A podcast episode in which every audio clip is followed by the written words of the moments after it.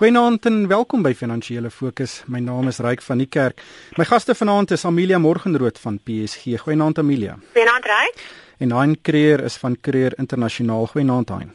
Goeienaand Ryk. Wel, die jaar is amper op sy rug en vanaand gaan ons 'n bietjie stil staan en kyk na die jaar se grootste nuusstories.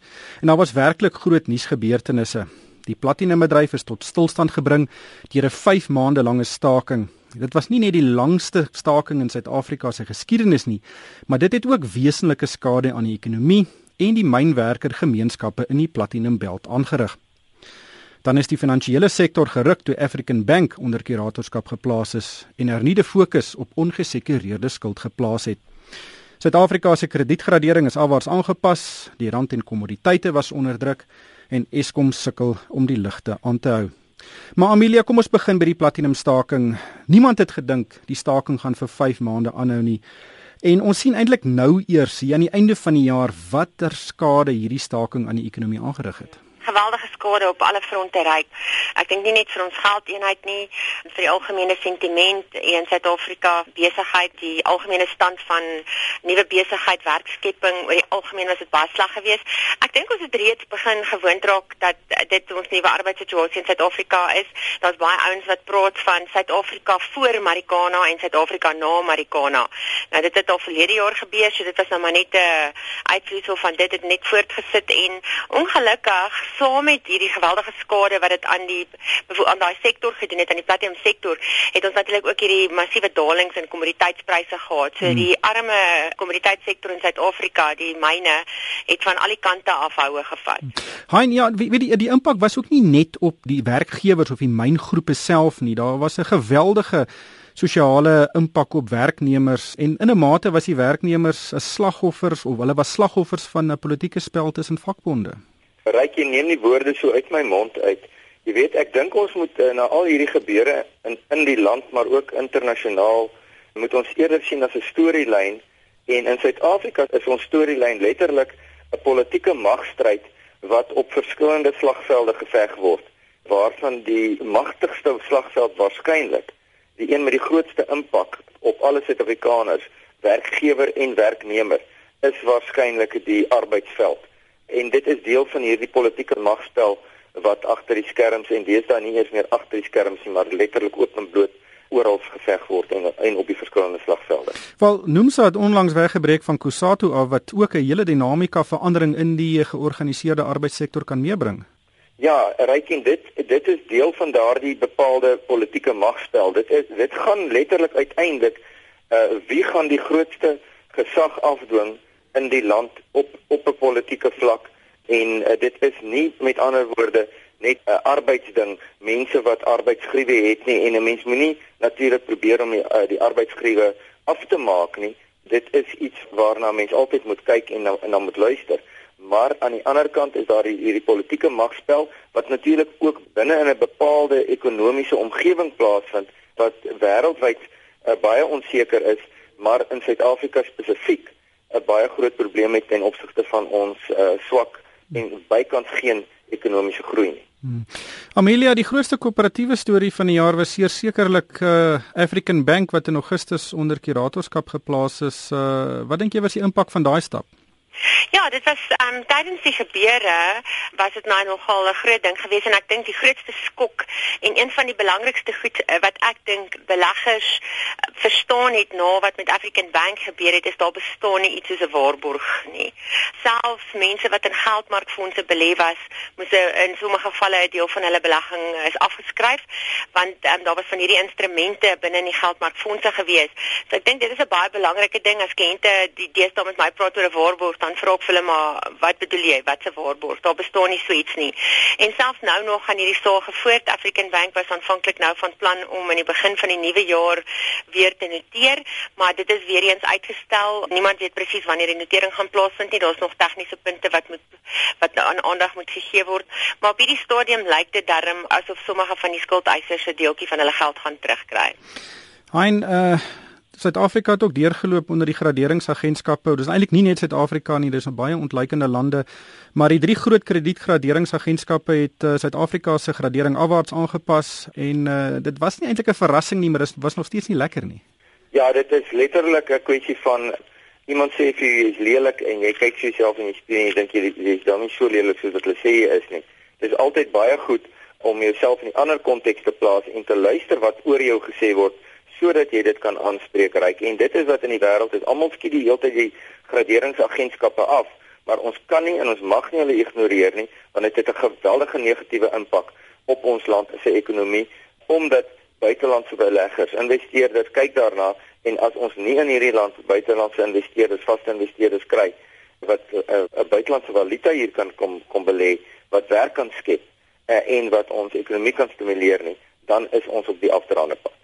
Ja, Amelia, weet aan die begin van die jaar was die groei verwagting 2,8%, 2,7, 2,8%.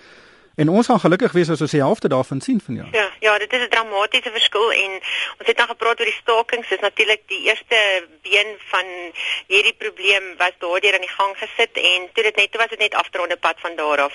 En um, om aan te sluit by wat nou gesê het van die kredietgraderingsagentskappe, ek dink ons kan ons sterre dank dat ons nou in Desember um, weer gegradeer is nie en dat um, beide die graderingsagentskappe ons basies op dieselfde gradering en uitkyk gehou het. Hulle het gesê dat hulle gee ons nuwe minister ehm, 'n um, kans om um, korrupsie aan te spreek en die begrotingstekorte en ook het hulle gesê dat hulle wil sien uh, wat in die arbeidsomgewing uh, gebeur en hulle dit lyk asof dit meer stabiel is en hulle was oor die algemeen positief oor die rustigheid en stabiliteit wat daar is hier in Suid-Afrika. Maar dit was darem nie heeltemal so stil nie. Ek moet sê dit was ook 'n nuwe era wat ons in beweeg het van uh, meer konfronterende politieke, baie uh, interessante dinge wat daar in die parlement gebeur met die EFF. Um ek dink nie een van ons hmm. hang regtig hulle ideologie aan nie, maar dit is ook lekker om te sien dat hulle ten minste opstaan teen teen die regerende party. En kom ons kyk 'n bietjie na die rand. Dis natuurlik Suid-Afrika se aandeleprys. Ons het die jaar begin op R10.40 en hy staan nou omtrent op R11.60. Dit is 'n verswakking van 11%. Dis reg, weer eens deel van die storielyn. Dit is asof ons op 'n effense glybaan is wat deel is van die groter prentjie van swakker vertroue in Suid-Afrika en dit sê letterlik vir ons 'n buitelandse investeerder sê weet jy wat daar is ander plekke waar my geld veiliger is en waar ek meer seker kan wees van die groei wat ek kan kry en ek gaan nie dit nou in Suid-Afrika toe vertrou nie. Hmm. Ja, um, ek kan ook miskien aansluit daarbey Hein. Dit was nog 'n interessante jaar gewees in die valuta mark want ons rand het een van sy rustigste jare in in meer as 'n dekade gehad in terme van wisselvalligheid. Hy hy het wel eens waar um, meer as 10% verswak, maar dit het op 'n rustige pas basies gebeur en ek dink een van die groot redes daarvoor was ook die Amerikaanse dollar wat konstant besig was om te verstewig. So ons het aanhoudend verswak teen die Amerikaanse dollar, maar dit het so half op 'n rustige pad gebeur. Dit was nie uh dit was nie soos gewoonlik wat ons hierdie verskriklike bewegings gehad het um, in, in in by ons rand. En is natuurlik ook gedryf deur baie sterker dollar wat gevloei het uit die beëindiging van die kwantitatiewe verruimingsprogram hein uh, wat eintlik 'n 'n hele dinamika verandering van die wêreldekonomie meegebring het. Dit is so ryk en dit is daar waar ons moet seker maak na die van die storielyn in Suid-Afrika wat een storielyn is en die internasionale storielyn dink ek wat deur mevrou Jellen gedikteer word. Uh, en dit is die die kwantitatiewe verruiming. En uit die aard van die saak die dollar ons ons moet baie keer onderskei tussen dollarversterking en randverswakking en baie van die randverswakking van jaar was dollarversterking en ons moet daarna kyk in die konteks van hoe het die rand ook gedoen teenoor ander geldeenhede soos die euro, die Britse pond, die yen uh, en dan die Australiese dollar waar ons in baie gevalle het ons hulle uitpresteer. Wanneer 'n mens na ons prestasie teenoor hulle kyk maar teenoor die dollar het ons onderpresteer hoekom? Want die dollar was sterk teenoor al hierdie geldeenhede. En daar het mevrou Jelen die regent van die wêreldekonomie uh, tot 'n groot mate 'n uh, geweldige groot rol gespeel soos wat ons weer in so 'n die afgelope week uh, in die markte gesien het. Hmm. Ja, ek ek dink nie daar's goeie vooruitsigte vir die rand in terme um, van sy verhandeling teen die Amerikaanse dollar nie, want um, die Federale Reserve het hierdie week nou weer eens so vir die mark 'n die gerusstelling gegee en bevestiging gegee dat hulle nie gou rentekoerse gaan opstoot nie, maar die verwagting is dat dit hier rondom middel 2015 einde nader na die einde van 2015 gaan gebeur. En soos wat daardie besef by mense begin posvat en soos wat hierdie en en kom ons sê rentekoerse begin ehm um, weet op begin styg in Amerika, gaan die Amerikaanse dollar nog sterker raak en dan gaan ons waarskynlik nog verder verswak in die dollar. Hein een van die uh, groot neeweffekte van die kwantitatiewe verruimingsprogram was dat aandelepryse in ontleikende lande taamlik weet amper um, artifisieel uh, of kunsmatig uh, gestyg het. Suid-Afrika uh, was geen uitsondering nie. Wat het wat dink jy van wat hier jaar op hierdie beurs gebeur het? Ryk, ons moet altyd onthou, die Suid-Afrikaanse beurs is nie 'n Suid-Afrikaanse mark nie. Dit is nie gekoppel aan die Suid-Afrikaanse ekonomie soos wat ons baie graag wil hê nie. 80% van ons bates en ons verdienste op die JSE lê buite Suid-Afrika en buite die Suid-Afrikaanse ekonomie en uh en daarom is daar so gewellige impak deur dit wat internasionaal gebeur soos byvoorbeeld die kwantitatiewe verruiming.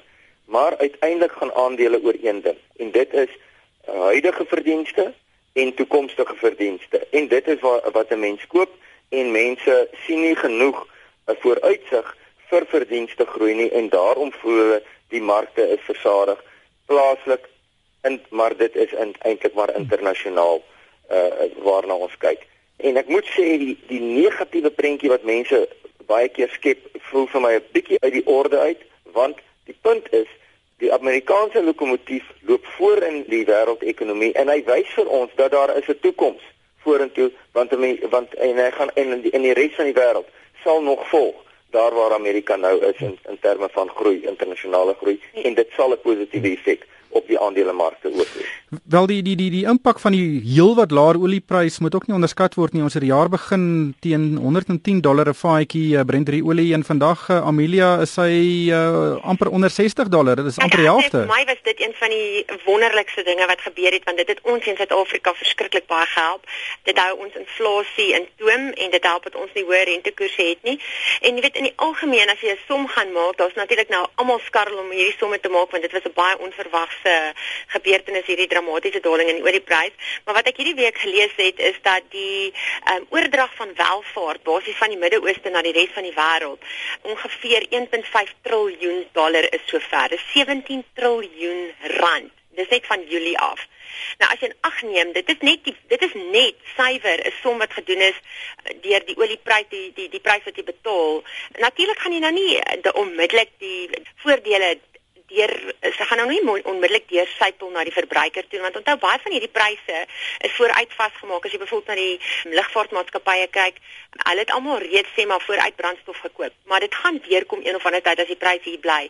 En dan gaan daar meer definitief baie meer geld in die sakke van alle verbruikers wees wat dit dan op 'n beter manier kan spandeer. En hierdie is 'n baie goeie ding wat gebeur het ook in terme van waterpryse internasionaal om dit onder beheer te hou. Byvoorbeeld in Londen was die in Engeland was die eind eiendomsmark beskou die veral die residensiële eiendomsmark het hulle beskou as 'n borrel omdat die pryse so verskriklik gestyg het en dit is die Midde-Oosterse mense wat hulle oliewinste hmm. gevat het en hierdie eiendomme gaan koop het en die pryse opgejaag het.